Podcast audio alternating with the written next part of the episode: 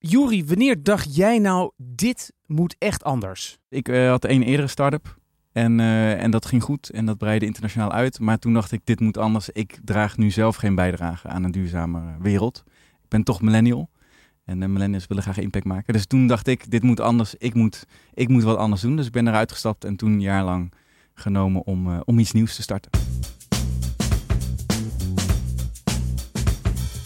Een aubergine, een pak tomaten en een paprika. Nou denk je misschien, waarom hoor ik hier de ingrediënten van mijn stoofpot voor vanavond? Deze podcast gaat toch over circulariteit? Dat klopt, maar deze producten hebben één ding gemeen.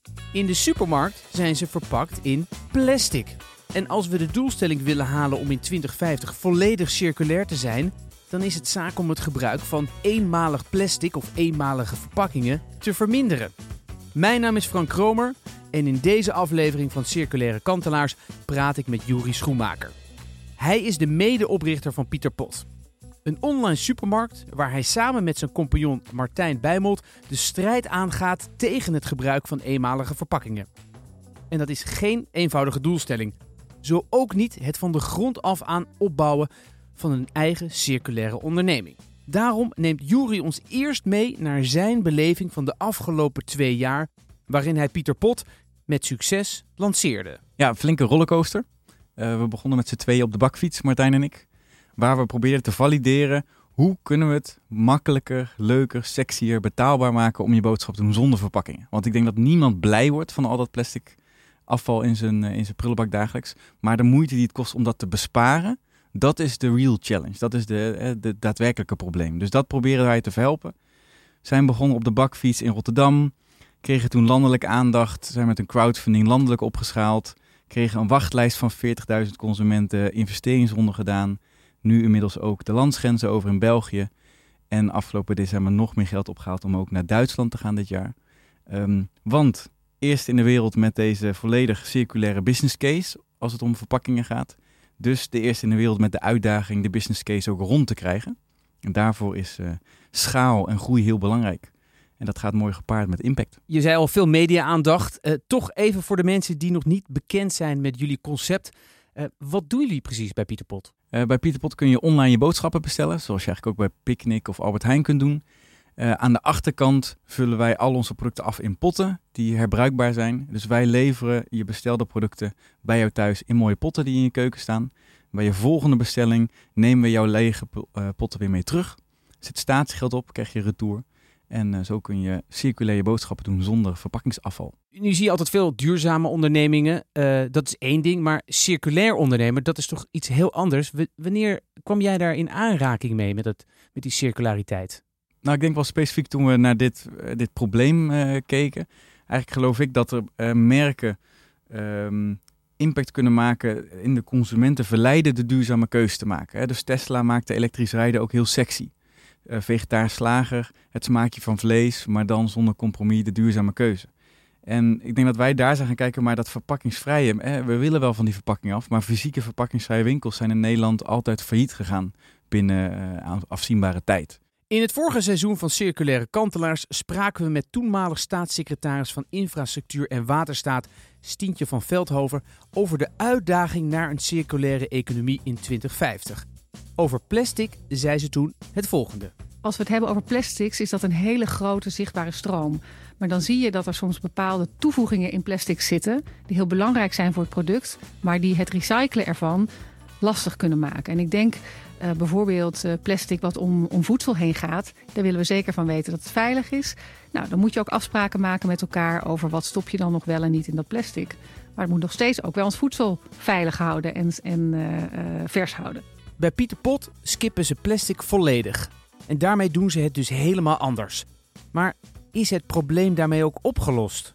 Nou ja, deels. Hè. En wij leven natuurlijk al uh, nog niet uh, vers bijvoorbeeld. Daar hebben we wel pilots mee gedaan, dus dat gaat ook komen. Dat zit dan bijvoorbeeld in uh, vershout netjes in plaats van glas. Um, maar ik denk inderdaad wat zij zegt, die voedselveiligheid, dat is de, groot, de grote uitdaging. En er bestaat bijvoorbeeld ook nog geen certificering voor de mate van schoonmaken van een herbruikbare verpakking. En precies die voedselveiligheid zorgt op dit moment voor dat eigenlijk recyclen niet volledig werkt Want er is nauwelijks een recyclebare, dus recyclebaar plastic wordt gebruikt voor verpakkingen.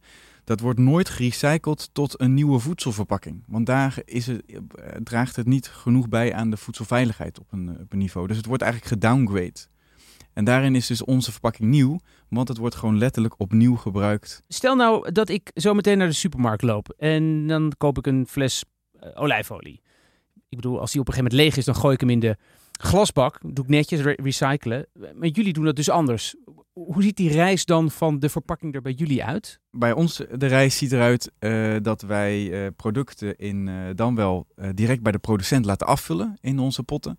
Dan wel een bulkverpakking krijgen. En die bulkverpakking wordt ook steeds meer circulair. Dus wij krijgen een olijfolie van 1000 liter tank. Die vullen wij af in onze wekflessen. Die tank gaat weer terug naar de producent. En die wekfles die krijg je dus altijd gevuld thuis bezorgd. En bij de volgende bestelling nemen we jouw lege pot fles terug. Die wassen wij en hervullen wij. En de impact die wij dus maken, bijvoorbeeld versus eenmalig glas, is vaak nog vele malen hoger dan een eenmalig dun laagje plastic om je verpakking. Want het recyclen van glas kost enorm veel energie. En dus uh, de, de public enemy is plastic, maar het gaat eigenlijk om de eenmaligheid van verpakkingen. Uh, die daarna dan wel weggegooid worden op de, op de brandstapel, dan wel gerecycled worden. Wat beide funest is. En, en hoe werkt dat dan? Want ik bedoel, al die olijfolieleveranciers, die werken natuurlijk op een bepaalde manier. En dan bellen jullie en dan zeggen ze, oh ja, leuk idee, maar uh, zo werken we niet. Precies. Dus dat is de reden waarom wij nog, eh, zeg nu 400 producten in het assortiment hebben en niet makkelijk 10.000 zoals Albert Heijn. Want wij moeten producenten vinden die dan wel dat willen, dat kunnen, een stukje aanpassen in hun keten. Maar daar zit precies onze grote missie wij creëren nu de blueprint voor onszelf, voor Pieter Pot, dat dit hele circulaire systeem kan werken. Maar als dit werkt en als wij bewijzen de consument wil dit en uh, de business case kan uit, ja, dan gaat iedereen bewegen. En bijvoorbeeld, we hebben Heinz ketchup in onze potten en, uh, en uh, de Ruiter hagelslag. En Heinz gaat nu hun keten aanpassen voor ons. En dan, hè, dan maak je dus impact op de hele keten, op het systeem. En dat is ons, ons doel. Is jullie glas of jullie potten, is er nog speciaal glas? Of zit er een hele ontwikkeling achter? Of kan ik ze ook bij de HEMA of de Action kopen? Nou ja, op dit moment gebruiken wij uh, glazen wekpotten. Dat zijn wekpotten, ja, die laten wij inmiddels zelf produceren in Duitsland. Maar dat zijn wekpotten zoals je zo ook kent van IKEA. Zo zijn we ook begonnen op de zolderkamer met IKEA-potten. Uh, we zijn al een tijd bezig met een nieuwe circulaire pot te ontwikkelen. En die zal deze zomer op de markt komen. Die eigen pot komt er dus al snel aan. Maar dat daar een heel proces aan vooraf gaat, is geen verrassing. Want hoe zorg je ervoor dat deze ook daadwerkelijk circulair is? En welk materiaal gebruik je? Houd je het bij glas? Of blijken die plastic verpakkingen in sommige gevallen toch helemaal niet zo slecht te zijn? Kortom, geen simpel vraagstuk. Het was wel echt een flinke, flinke uitdaging. Dus daar zijn we ook wel al een jaar mee bezig, denk ik, of iets langer. Want ja, we zijn op zoek naar de ideale circulaire verpakking. Die bestaat ook nog niet. En dan zijn wij niet eens voor één product aan het ontwerpen, maar voor 400 verschillende producten. En dan gaan we dus ook alle materialen gaan bekijken. Dus uh, wat is dan de duurzaamste circulaire verpakking? Nou, op een gegeven moment leek dat toch misschien een uh, recyclebaar plastic te worden. Wat dan wel bij ons dus hergebruikt zou worden. Maar het materiaal zelf is dan gerecycled. En ik kreeg al uh, rillingen op mijn, op rug. Want leg dat maar eens aan de consument uit dat dat duurzamer is.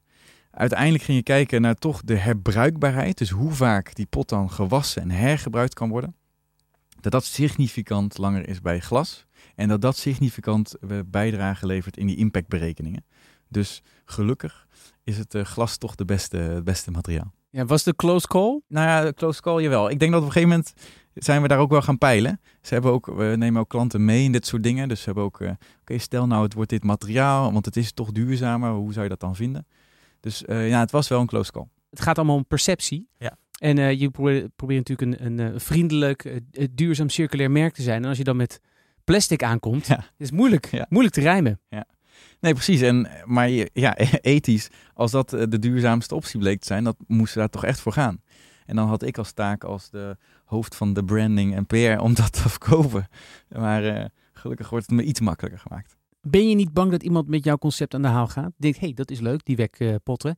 Gaan we ook doen enerzijds kan ik zeggen van als een grote partij ons helemaal gaat uh, kopiëren, als Albert Heijn ons gaat kopiëren en nadoen, nou dan heb ik in ieder geval heel veel impact bereikt en is precies bereikt wat we willen, dat systeem veranderen. Uh, daarnaast hoop ik en denk ik dat er nog waarde is voor Pieter net zoals de Tony Chocolonis eigenlijk in de winkels wordt gekopieerd door Albert Heijn. Maar uh, dat zit enerzijds bij Tony zit dat in de smaak, bij ons zit dat in de service en het merk wat we bieden. Um, en daar moeten, daar moeten wij natuurlijk de allerbeste service en blijven innoveren met de nieuwe pot, met de nieuwe app die we lanceren. Ehm, en uh, zorgen dat we die infrastructuur bieden waar zij gebruik van kunnen maken. Maar bijvoorbeeld het aspect wassen. Er bestaat in Europa geen faciliteit om de hoeveelheid potten te wassen wat wij nu doen. dus dat zijn wij nu zelf aan het, aan het bouwen. Nou, en, en dat bieden we heel graag aan aan de Unilevers van deze wereld. Um, maar ik denk dat daar ja, een bepaalde kennis en ervaring die wij nu opbouwen, waardoor we een stapje voor hebben. Hoeveel liter water kost het eigenlijk om, om, om al die uh, potten te, schoon te maken? Is dat niet een, een, een zware impact? Nou, die is, die is dus meegenomen in de, in de lifecycle analysis. Maar daarom is het belangrijk, hè, dat zetten we ook op de pot. Was die potten niet thuis. Wij doen de was. Uh, wij hebben een professionele wasstraat. Waar gezamenlijk uh, duizenden potten doorheen gaan op de, een um, relatief efficiënte uh, manier van watergebruik. Het stadium van start-up is Pieter Pot inmiddels voorbij. Het bedrijf heeft een groeiend klantenbestand en samenwerking met verschillende grote bedrijven in de voedselindustrie. Maar wat is dan de volgende stap? En wat zijn eigenlijk de ambities van Jury zelf? Nou, ik denk dat Martijn en ik daar eigenlijk uh, continu onszelf ten dienste stellen van de impact en de groei. Hè, dus uh, wij leren natuurlijk ook enorm. We hebben niet uh, zo'n groot bedrijf dat we nu hebben ooit geleid. Dus je ziet daar ook ontwikkeling in onze eigen rollen. Hè, daar waar we proberen de krachten van onszelf ook te zien. Daar Martijn heel erg zijn kracht in het ondernemen en projectmatige zit. Dus eigenlijk nu horizontaal in de organisatie zit. En ik meer op het managementkant, dus meer de CEO-achtig persoon ben. Um, maar zo groeien wij ook. En als er over een paar jaar blijkt een samenwerking met, ik noem maar iets, het voorbeeld van vegetarische slagen, zoals met Unilever. En daarmee de versnelling en de impact nog vele malen groter kan maken op korte termijn, dan, dan kijken we heel graag naar die optie. Als daar tegenover wij zelf als merk heel hard groeien en onze ambitie ligt eh, in de komende vijf jaar op West-Europa, maar daarna misschien uh, in andere continenten, dan doen wij heel graag zelf die stap als, uh, als daar investeringspartijen in willen investeren. Dus ja, ik denk dat wij zelf ons ten dienste stellen en we, we bieden onszelf aan uh, waar, waar onze bijdrage kan zijn de komende 10, 15 jaar om, uh, om de, het systeem te veranderen. Nou, je hebt in ieder geval iets waarvan mensen denken, ja, dat wil ik ook, want jullie hebben gigantische wachtlijsten. Uh, hoe, hoe, verklaar je dat eigenlijk? Dat mensen dit nu opeens, nou ja, massaal is misschien een beetje groot uitgedrukt, maar laten we het toch doen, massaal willen. Nou, ik denk dat zeker momentum. Hè. Ik denk dat we heel goed on momenten op, op trend zitten. Uh, mensen ergeren zich gewoon uh, aan, aan al die verpakkingen en plastic. En het wordt ook steeds meer naar buiten gebracht. Er zijn ook steeds meer onderzoeken. En het, uh, het uh, probleem in het oceaan maakt het heel, heel visueel. Dus ik denk dat er nu heel dat plastic echt een van de number one's public's enemy is. Dus dat, dat, dat helpt enorm. En twee is wel dat we het proberen met een merk dat heel optimistisch, positief en oplossingsgericht is. En nogmaals, onze voorbeelden, Tony Chocoloni heeft dat natuurlijk ook heel briljant gedaan. Dus niet het vingerwijzen en niet het, het niche-merk uh, wat, wat heel uh, activistisch is. Dan, oh, activistisch op een positieve manier. En, uh, en ja, de oplossingen zoekt om het jou te verleiden te doen. In plaats van te zeggen, jij moet het doen. Maar hoe ga je ervoor zorgen dat mensen die niet per se duurzaam of circulair in hun hoofd hebben zitten, ook voor Pieter Pot gaan kiezen? Ja, dus wij delen eigenlijk de, de consument in, in drie delen. Je hebt de eco-warriors, mensen die al extra moeite doen voor duurzaamheid. Nou, die die kiezen uh, vaak eerder voor dit soort initiatieven. Dat waren onze eerste klanten. Vervolgens heb je die eco-minded. Dat zijn wij zelf eigenlijk ook. Ik wil wel duurzaam, maar het moet niet te duur zijn en wel een beetje gemakkelijk zijn. En dat is de grote doelgroep. En die zijn wij nu aan het aanspreken. Maar er zit nog een enorme groep die wij kunnen bereiken. Maar daarvoor moet het echt makkelijk, echt betaalbaar, echt verleidelijk zijn. En dan de derde doelgroep heb je de eco-indifferent. Men die niet per se gelooft in de klimaatcrisis of duurzaamheid. Nou, die spreken we natuurlijk nog helemaal niet aan die kun je pas aanspreken als je op een ander aspect uh, de verleiding uh, verzorgt. Dus stel, onze potten vindt men zo mooi in een keuken. Ze willen graag die potten van Pieter Pot. En ja, het is ook duurzaamheid, maar daar geloof ik niet in. Uh, dan zou je hen kunnen vergelijken of verleiden. Of we zijn de allergoedkoopste supermarkt. En ook nog eens duurzaam. Um, maar goed, ik denk dat dat een doelgroep is die we als laatste aanspreken. En ik hoop dat die ook steeds kleiner wordt. Hè, er is ook natuurlijk een trend van duurzaamheid en bewustzijn, zeker in Europa en, en in ook andere continenten. Dus ik hoop dat we niet eens daar hoeven op te focussen. Dat de trend zorgt dat die, die groep veel te klein is. Moet dus gemakkelijk zijn, eh, betaalbaar. Uh, als we vergelijken, ik, ik, noem maar wat, een pak muesli in de supermarkt en een, en een uh, wekpot muesli bij jullie. Wat is daar het verschil in prijs? Vergelijkbaar met uh, Albert Heijn. Zijn vergelijkbaar prijsniveau met Albert Heijn. Ehm, is voor ons lastig, want wij zijn natuurlijk kleiner qua volume dan de Albert Heijn. Dus eigenlijk ook 90% van onze producten zijn uh, private label, dus eigenlijk een Pieterpot huismerk. Uh, op merkproducten is het dus heel lastig om, uh, om op vergelijkbaar prijsniveau te zijn. Maar er zijn ook producten waar wij veel goedkoper zijn. Pijnboompitten zijn bij ons enorm goedkoop. Kruiden zijn enorm goedkoop. En hoe kan dat dan? Nou, daar, worden gewoon flink, daar wordt flink op verdiend door de, door de reguliere supermarkten. En je, als, als je als consument ervoor betaalt, dan doe je dat. Dus wij kunnen zeggen, op een gemiddeld boodschappenmandje ben je vergelijkbaar uh, uit. Maar het kan per product verschillen of we vergelijkbaar zijn of net iets duurder of net iets goedkoper. Dus wij weten wel, perceptie is realiteit. Hè, we kunnen dit zeggen, maar als jij toevallig als eerste product googelt bij ons of vergelijkt onze pindakaas uh, met de pindakaas bij de Albert Heijn en die is bij ons duurder, dan is jouw perceptie Pieterpot duurder. Dus wij moeten zorgen dat dat op alle producten geldt. Nou, daar hebben we de komende 6, 9 maanden nog voor nodig, denk ik. Gelukkig is het over 9 maanden nog geen 2050. Want dan zouden we de circulaire doelstelling uiteraard bij lange na niet halen. Om dat wel voor elkaar te krijgen, zullen er grote systeemveranderingen moeten plaatsvinden. Jury deelt zijn blik op 2050 en vertelt wat er binnen zijn branche nodig is om dat mogelijk te maken. Onze visie is dat dan verpakkingsvrij boodschappen voor iedereen een optie is. dat betekent dat niemand meer kan zeggen: ja, maar dat zegt te veel moeite voor mij, of dat kost te veel geld, of dat is te alternatief. Dat is één. En ik denk in het systeem dat het dan omarmd zou zijn als de infrastructuur er is. Dat betekent, kan Unilever makkelijk een co-packer vinden die een herbruikbare verpakking vult. Uh, een retailer die dat aanbiedt met een bezorging met retour.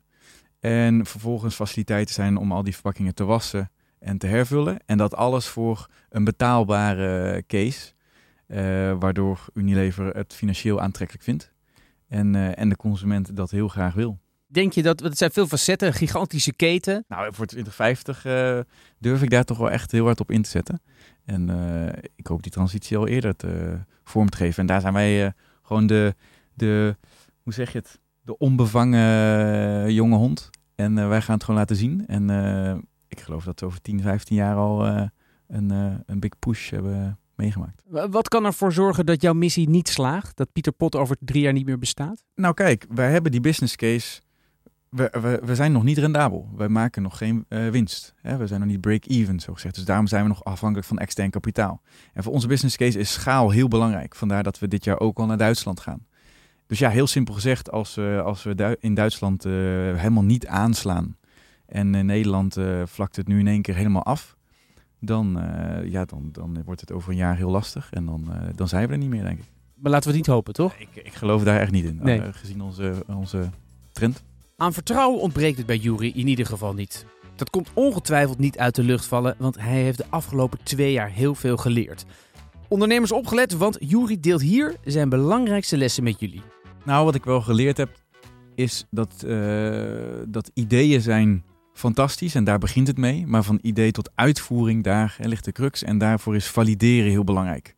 Dus heb je een idee, dan pitch je dat aan je vrienden en je, en je ouders en die zijn dan heel enthousiast. Dan doe je dat aan wat mensen op straat en die zijn ook enthousiast. Maar vervolgens zeggen, oké, maar nu kan je dit gebruiken en betalen maar voor. Dat is een hele andere stap. En uh, nou, dat hebben wij ook geleerd along the way, dat mensen zeggen altijd anders dan ze daadwerkelijk doen. En dat moet je zo snel mogelijk valideren. Dus wij hebben zo snel mogelijk een webshop online gezet. Terwijl we helemaal niks hadden. Geen warehouse, geen potten, geen producten.